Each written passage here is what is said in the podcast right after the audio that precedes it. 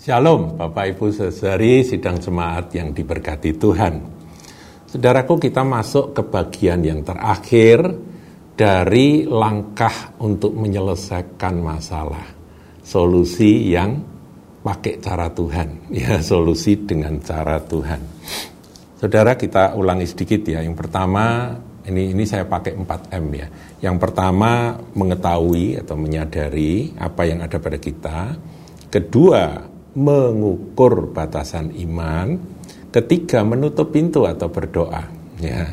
Kemudian yang terakhir ini, nah, kita akan lihat yang terakhir saya bacakan ulang saudaraku ayat 4 Kemudian masuklah, tutuplah pintu, berdoa ya saudaraku ya. Sesudah engkau dan anak-anakmu masuk, jadi doanya itu harus doa sepakat dari uh, keluarga yang punya masalah ini. Jangan doa sendiri, tapi ajak anak-anakmu ya yang ikut terlibat di dalam problem keluarga tersebut sehati. Lalu tuanglah minyak itu ke dalam segala bejana. Nah, kata tuanglah itu yang ingin saya garis bawahi. Tuanglah minyak itu ke dalam segala bejana.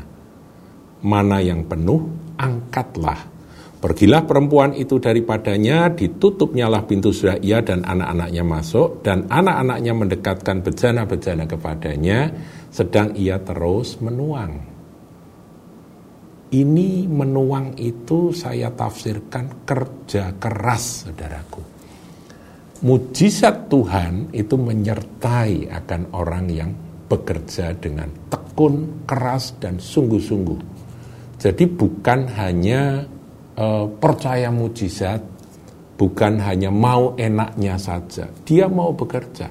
Tindakan iman pertama adalah mengumpulkan bejana dan itu pun ada usaha, ya kan? Tapi setelah itu, saudaraku, harus ada kerja keras, sungguh-sungguh ya perempuan itu berkata kepada anak-anaknya anak-anaknya ngambil bejana mendekatkan kepada mamahnya dia terus menuang menuang menuang potensi menuang tenaga menuang ya waktu saudaraku fokus sepenuh pada pekerjaan yang nantinya akan menghasilkan mujizat untuk menyelesaikan masalah. Paham saudaraku ya? Jadi jangan uh, mencampur antara kita merindukan mujizat dengan iman, tapi caranya adalah kemalasan. Males. Kalau ditanya, kamu kok nggak kerja? Oh, Tuhan nanti memberkati. Bukan begitu cara Tuhan. Nanti saudara cari di dalam Amsal kata rajin ya, klik aja kata rajin, temukan, belajar di sana.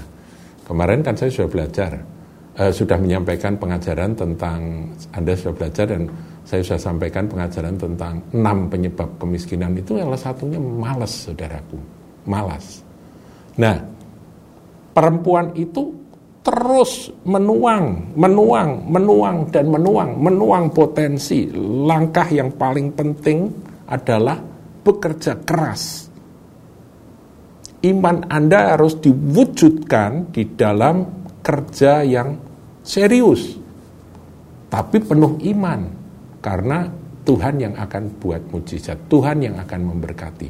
Tapi Anda harus melakukan bagian Anda. Jadi kita ini kan nanti akan menghadapi tahun-tahun susah secara ekonomi. Saudara merasa bahwa aduh tabunganku habis dan sebagainya, aku kena PHK dan sebagainya. Jangan khawatir saudaraku. Coba baca lagi, ikuti lagi akan empat seri ini Saudara berdoa kepada Tuhan, buat aku apa yang ada padaku yang akan kau pakai untuk memberkati keluargaku. Saudara, langkah-langkahnya seperti itu tadi.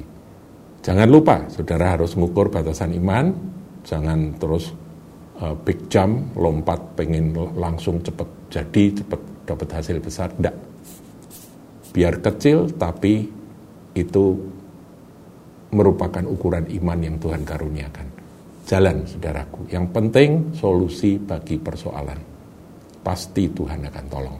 Nah, langkah-langkah yang yang sudah saya sampaikan 4, eh, 4M ya, yaitu mengetahui apa yang ada pada kita, mengukur batasan iman, menutup pintu, yaitu berdoa, menuang potensi dan semangat dan kegairahan kita tuang semuanya untuk bekerja.